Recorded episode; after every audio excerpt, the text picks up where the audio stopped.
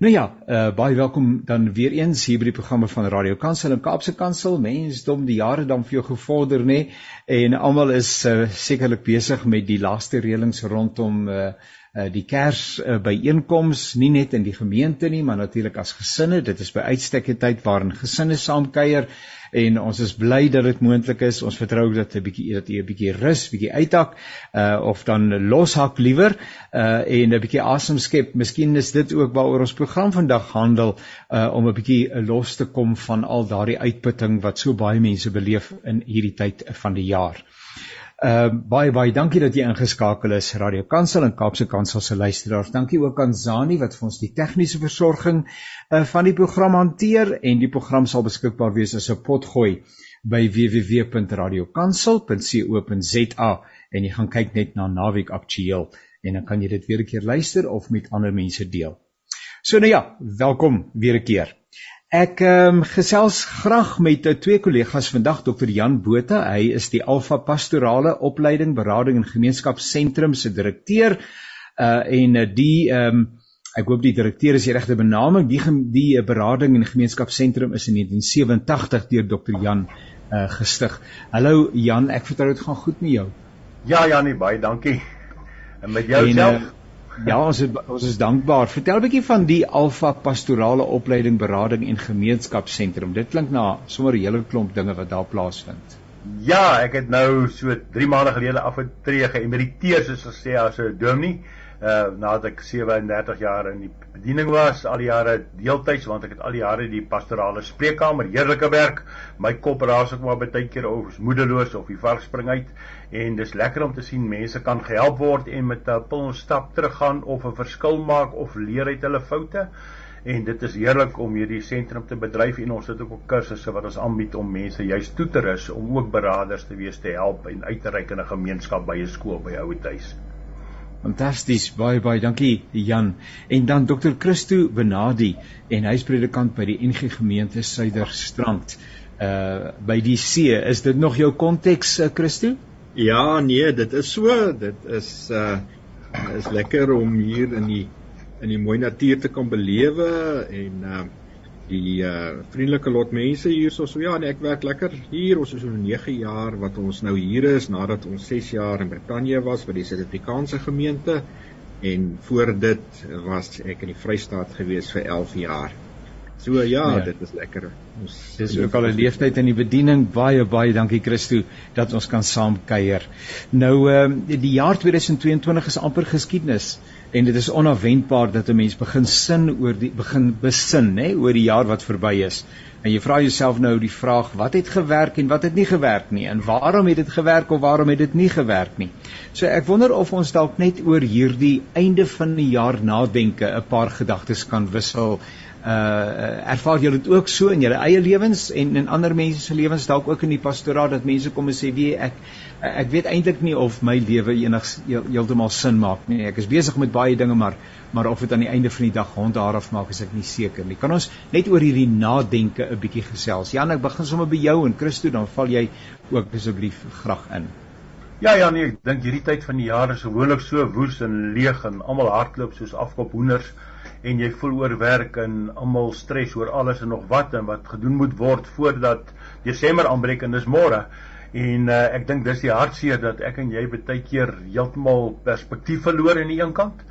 Aan die ander kant uh, dink ons terug oor die jaar soos bietjie reflekteer en baie van ons het 'n moeilike jaar gehad in die wêreld en ons land en jou eie persoonlike lewe, jou eie konteks is daar klomp goed wat sin gemaak het, maar ander goed wat glad nie sin maak nie. En dit skud ons baie keer bietjie. Dit laat die kop ekstra raas en dan voel ek was alles nou die moeite werd hierdie jaar. En ek wonder hoe gaan lyk hierdie nuwe jaar waar ons ingaan wat 'n maand verder voor ons uitgestrek lê.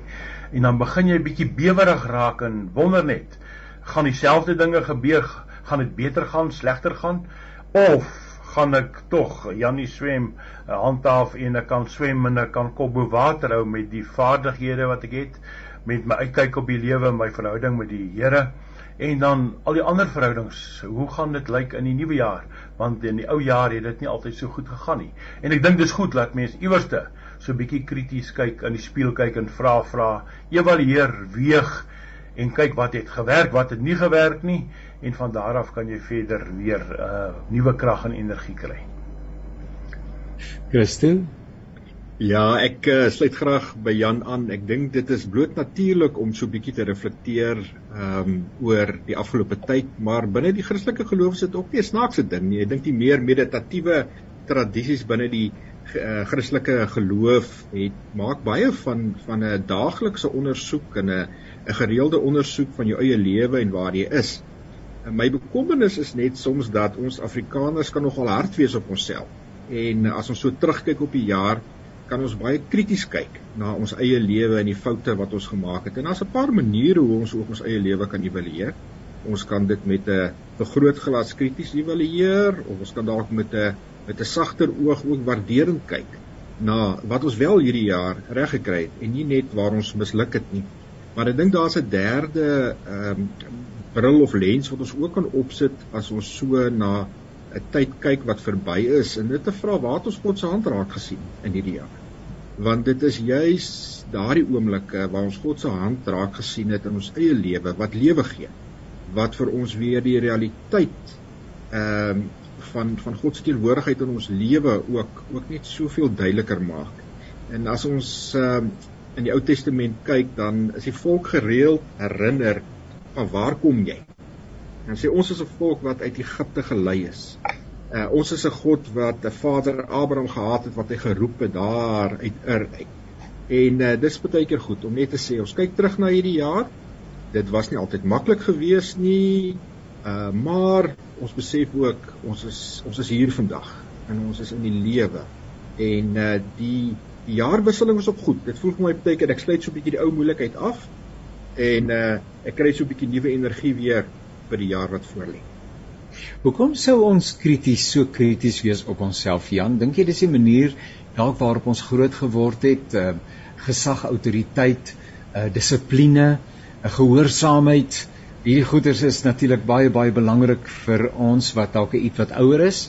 Uh, dis die manier waarop ons groot geword het of dalk nog baie sterk teenwoordig in 'n meer Afrikaanse gemeenskap uh om rekenskap te gee uh om uh verantwoordelike rekenskap re, reken uh, rekens ehm um, wat sê uh, daai regte woord rentmeesterskap nê nee? dis tog die boodskap wat die kerk ook uitdra nê nee? jy moet die tyd uitput uit uitkoop en alles uh, en dan uh, gee ons nie aan onsself die erkenning maar ek het ten minste opgedaag ek het nou nie 'n baie goeie sukses van daai ding gemaak nie ek het deelgeneem aan die wedstryd heel laaste gekom maar ek het opgedaag maar ek sal vashou daarby dat ek laaste gekom het Ja, ek dink dis is sleg. Ek dink ons Afrikaners oor die algemeen en baie Christene oor die hele wêreld heen uh luister baie keer te veel. Ek nou eendag 'n mooi woord gehoor, die bekboere. Dis mense wat sommer net kommentaar lewer op alles asof hulle nou hierdie bekboere al die kennis het oor die politiek, godsdiens, uh oor gesondheid, oor die landsekonomie, oor die kragsituasie. Dis mense wat los en vas praat, soort van as kenners En hierdie ouens praat ons heeltemal later in 'n gat en jy luister na hierdie ouens en jy dink maybe is hierdie ou tog 'n kenner. En dan kom jy later agter nee, hy praat eintlik dinge wat hy nie van weet nie of hy dit iewers op hoor sê gehoor. Ek dink die groot krisis is ons sit as Christene en ander mense rondom ons sit ons met 'n massa inligting. En jy moet die hele tyd sif, jy moet die hele tyd onderskei wat neem jy in, wat gaan by een oor in en by ander oor uit wat gaan ek toepaslik maak in my lewe en wat gaan sommer net iets wees wat wat wat wat ek gehoor het maar dit het geen effek op my nie. En ek dink dit is die wonderlike. Ek dink ons as Christene veral het drie dinge wat belangrik is. Die eerste ding is die die geloof gee vir my hierdie stuk sekuriteit aan een kant. Iets waarna ek kan vashou omdat ek weet God hou my vas. Jesus is my persoonlike verlosser en die Gees lei my elke dag. Die tweede ding is ek beleef hierdie uh, verandering daagliks en my godsdiens, my persoonlike verhouding voel tog 'n hawe waar ek kan veilig wees teenoor hierdie verandering. Alles wat rondom my gebeur elke dag. En die derde ding, ek dink as Christene kom ons agter al meer, ons is nie alleen nie. Hier's ander Christene in 'n geloofsgemeenskap, as 'n gestuurde gemeente, 'n missionale gemeente in die wêreld daar buite is ons wandel in die wêreld die man daar by die by die slaghuis wat my help die dame wat die petrol ingooi of die diesel by vulstasie. Hulle sukkel met dieselfde goed, maar as ek vriendelik is en begin gesels en hoor hoe lyk jou wêreld vandag, gaan jy Kersfees bietjie jou by jou familie deurbring, dan kom daar 'n klomp positiewe goed los en ek dink as Christene spesifiek mense wat gestuurdes is, kry dan iets van 'n glimlag van hoop wat geplant word en dan mense wat sommer spontaan begin sê maar ek het swaar gekry. Maar en ek dink daai maar is altyd die aanknopingspunt. Hoe kan ons verder luister? Hoe kan ons daar wees om hande te vat en dan sommer net van hier af verder te gaan? Ek het uh, met uh, vroeër met uh, twee ander kollegas gesels. Ons het gepraat oor Suid-Afrika, Suid-Afrika in die Suid-Afrikaanse konteks en dis meer dokter ehm um, David Keiler 'n berig wat hy geskryf het artikel in Netwerk 24 En in daardie kom dit natuurlik nou weer uh, was die klem gewees op die burgerlike samelewing, civil society se verantwoordelikheid om medewerkers te wees, om die wêreld veiliger, heeler te maak, om sy profetiese verantwoordelikheid uit te leef en alles wat daarmee saamgaan. En toe verwys ek na hierdie gesprek en ek sê en die civil society sal sê ons is doodmoeg. Ons is gedaan. Uh, en uh, is dit nie so en dis waarskynlik waar van die res van die wêreld maar dat Suid-Afrika ehm um, dat dit net enorm hoeveelheid stresore is waarmee ons saamleef wat vir ons fisies, emosioneel en geestelik. Uh en dan het ons nog COVID gehad waarvan ons eintlik nou maar nou maar eintlik eers begin herstel. Luister ek na 'n ander gesprek wat sê dat die geestelike of dan liewer die emosionele nawerking uh van COVID 'n volgende pandemie kan wees in Suid-Afrika want dit is nog nie hanteer nie en dit begin nou uitspeel. So daar's soveel goed wat 'n ou wat die uitputting by ou teweegbring. En nee, ek um, ek dink dit is so waar wat jy sê dat ons word soms oorweldig met 'n klomp inligting. En uh die die probleem is dat geen inligting is neutraal nie. Nêrens kan ons 'n bron van inligting kry wat goed gebalanseerd vir ons 'n 'n blik op die realiteit gee nie. Ek het so 'n paar weke gelede uh het ek bietjie te veel koerant gelees en ek is sommer so 'n bietjie moedeloos en ek en my broer gesels daaroor en uitdagings in ons land en die volgende stuur hy vir my uh uh so 'n verslaggie wat uh, ek dink is JP Landman skryf oor Suid-Afrika en daarin lig hy 'n klomp goed uit hoeveel misdadigers in die afgelope tyd voor stok gekry het selfs hoë politieke profiel ouens wat met misdaad besig is wat voor stok gekry het daar 'n draai kom rondom die goed is. En net 'n klomp positiewe inligting wat ek ja, nie in die koerante ja. lees nie. En en ja. dit maak dit vir my so belangrik dat ons moet 'n keuse uitoefen oor watter inligting laat ons in ons binneste toe. Want uh dit wat jy gaan toelaat gaan bepaal hoe jy dink. En daarom moet ons soms grense trek en sê maar weet jy in alle respek teenoor hierdie of daai koerant of hierdie WhatsApp groepie of hierdie vriend of vriendin wat vir my allerlei spookstories aanstuur, ek wil dit nie hoor nie. Ek gaan my lewe volmaak met positiewe dinge, met mense rondom my. Op grondvlak is mense goed vir mekaar en hulle is lief vir mekaar en daar's oor kultuurgrense heen is daar goeie samewerking.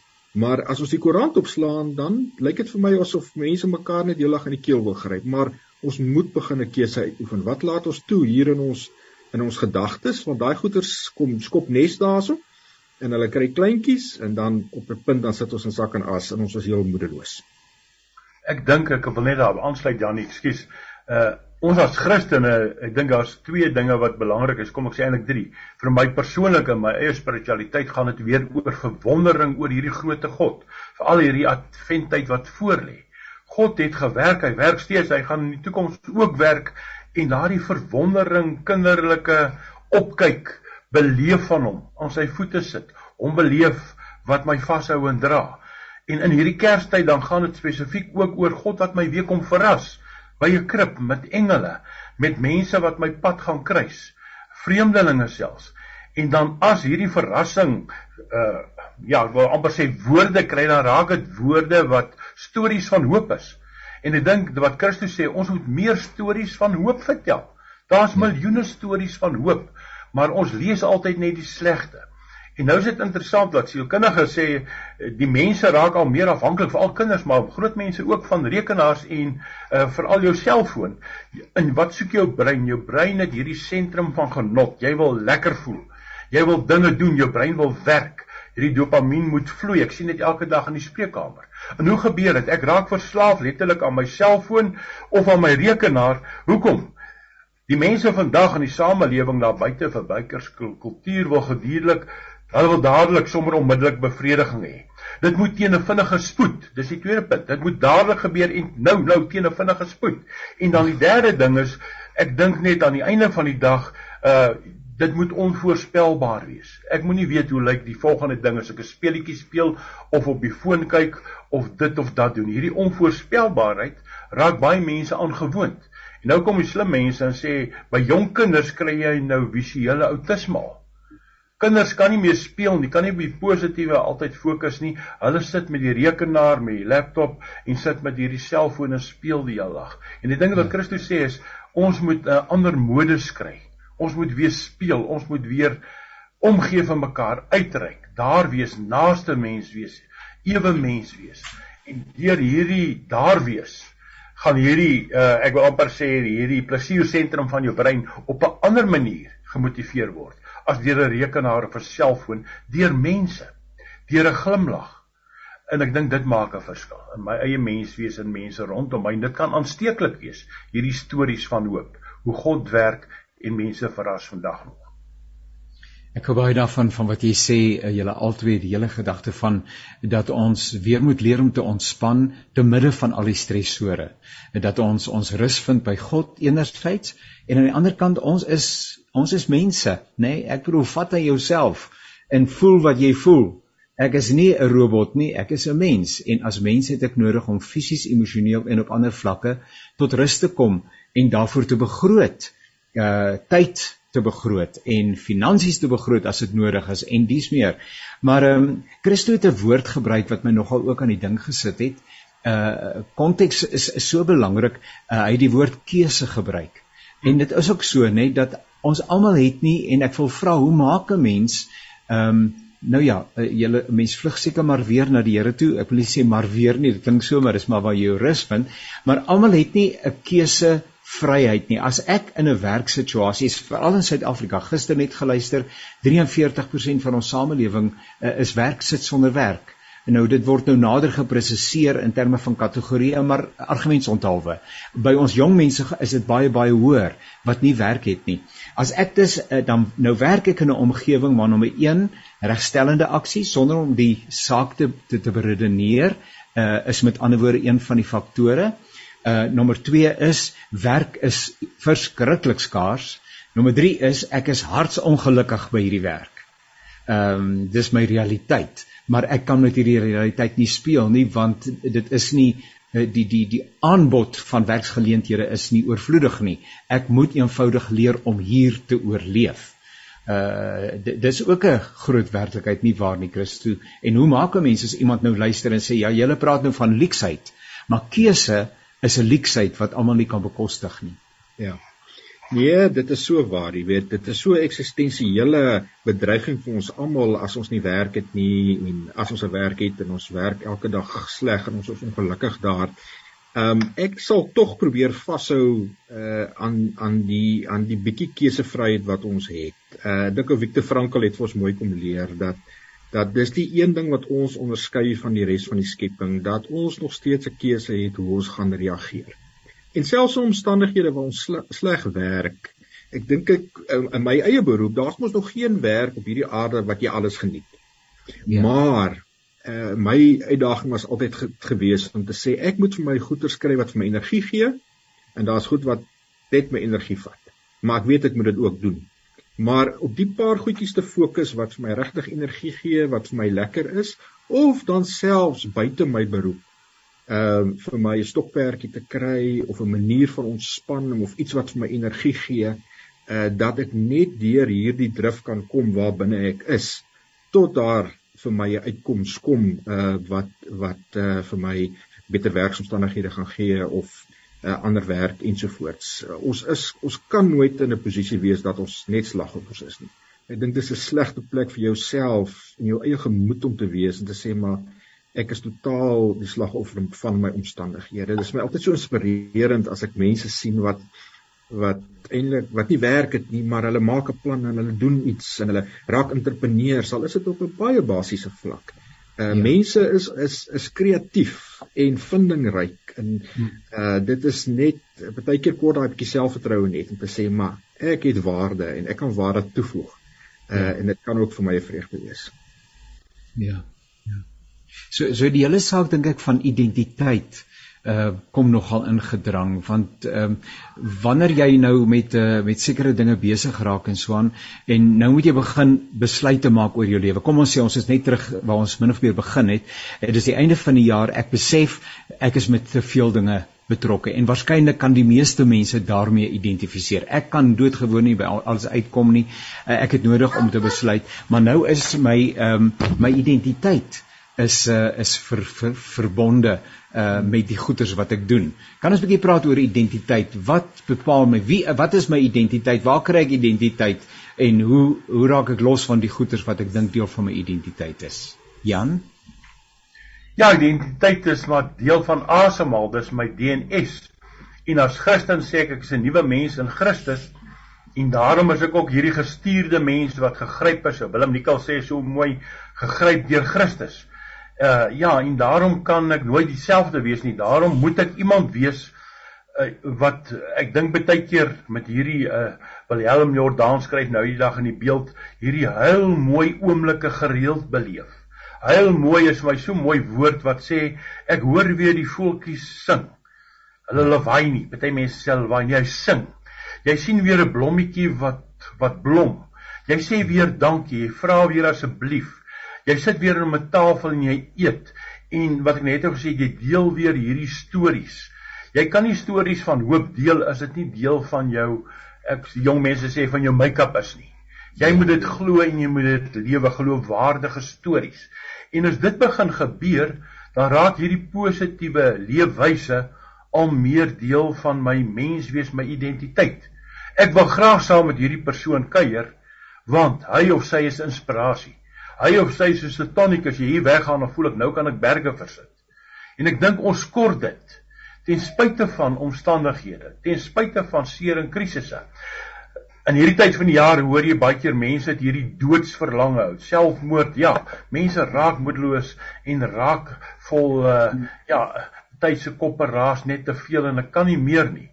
Maar as hierdie persoon iets beleef in opregtheid omgee, daar wees, net daar sit in die oë kyk, dan gaan hierdie doodsverlange baie keer van self weg of net in hierdie rustige oomblik van 'n veilige ruimte wat ek skep, kan hierdie persoon agterkom maar daar is sin, daar is doel. Want Karel Barth sê geloof is om vreemd op te tree. Ek en jy as Christene moet juis vreemd optree, anders.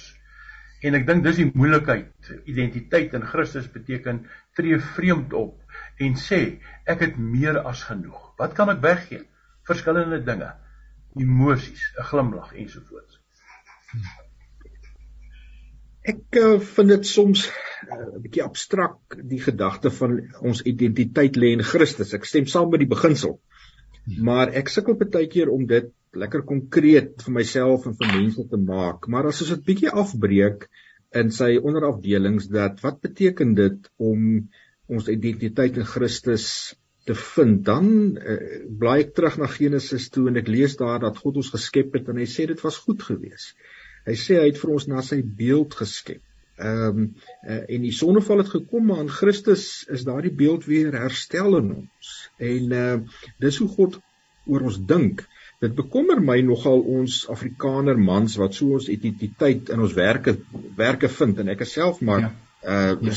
kan kan ek nou sê skuldig daaraan. Uh en dan as ons aftree dan vang daar 'n groot bedruktheid ons en uh, ons sukkel dan om 'n volgende tree te gee. Ek dink dit het te doen daarmee dat ons ons hele identiteit in ons menswees en ons waardes uh in ons werk vind. En dit is nodig dat ons ook in ander lewensareas ons identiteit vind. Ek is nogal hoopvol vir die volgende generasies. Die ek is nou ek is nou 49, so ek is so 'n uh, Xer, so tussen die boomers en die en die in die klomp wat na my gekom het nou die boomers het het berge versit in die wêreld maar hulle het baie lang ure gewerk en baie tyd by die werk spandeer soms ten koste van hulle gesinne wat vir my opval van die millennials en in in die in die jonger generasie is dat hulle vra eers hoe gaan dit my familie raak.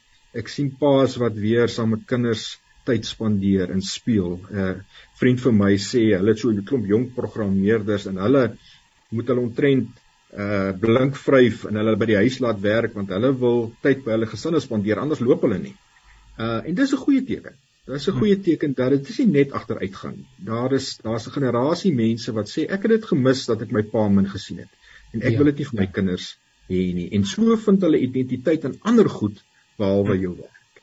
En ja. ons moet baie mooi evaluerend na onsself kyk en ons goed voorberei ook vir aftrede en wat voor lê natuurlik by vrouens ook, maar dat ons nie die dag die deure agter ons toetrek en agterkom ek gaan nie gemis word nie. En dit is so. Niemand van ons is onmisbaar nie, maar daar moet meer wees. Daar moet meer in die lewe wees as net 'n beroep en 'n salaris en 'n status. Hmm.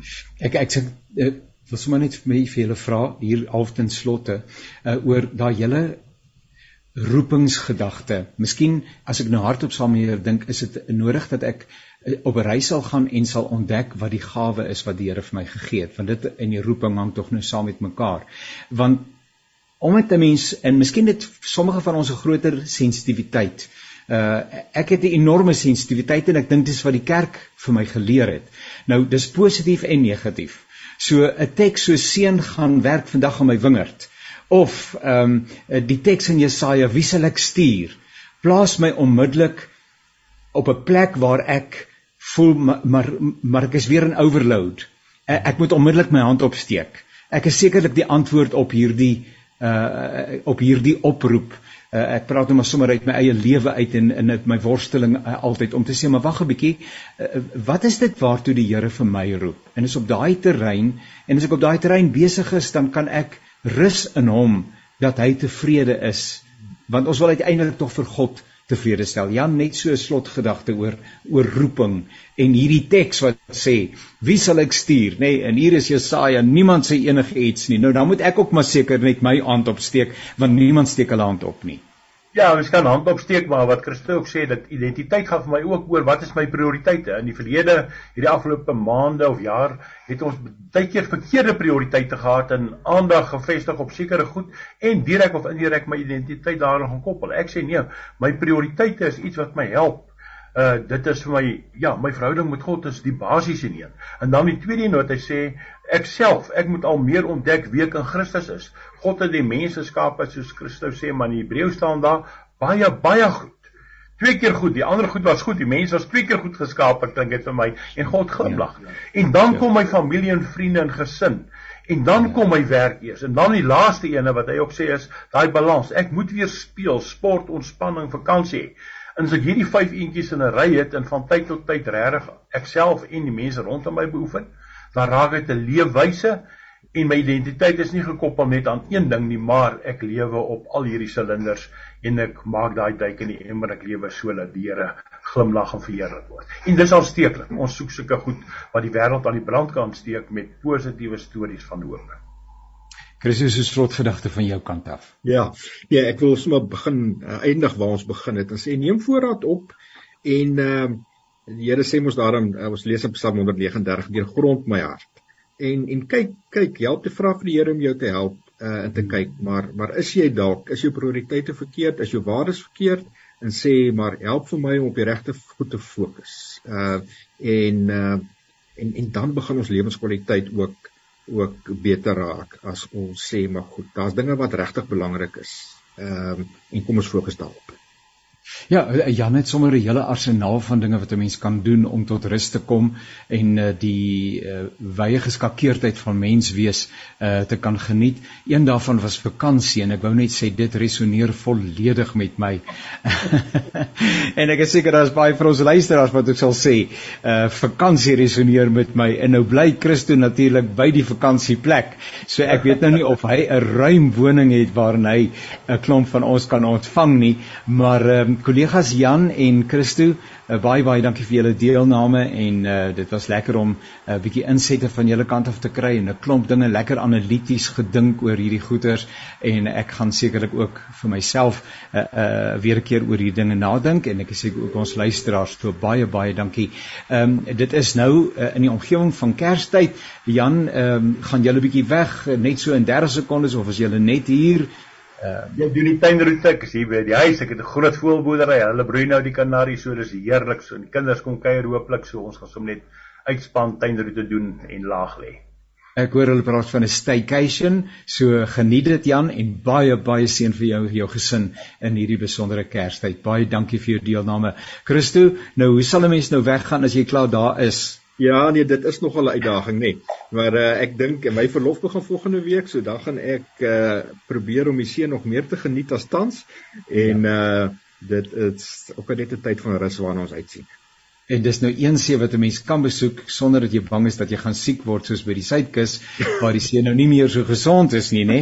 En uh, dit ry baie mense se planne in die wiele. Uh Dr. Christo, dankie vir jou ook vir jou deelname. Was lekker om hier te kuier en mag hierdie tydjie van uh, van een kant kom ook vir jou baie sinvol wees en ook 'n baie aangename Kerstyd vir jou en vir jou gesin. Baie dankie.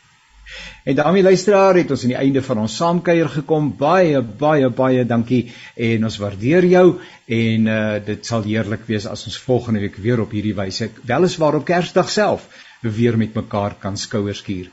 Tot dan alles wat mooi is, die Here seën vir jou ryklik. Totsiens.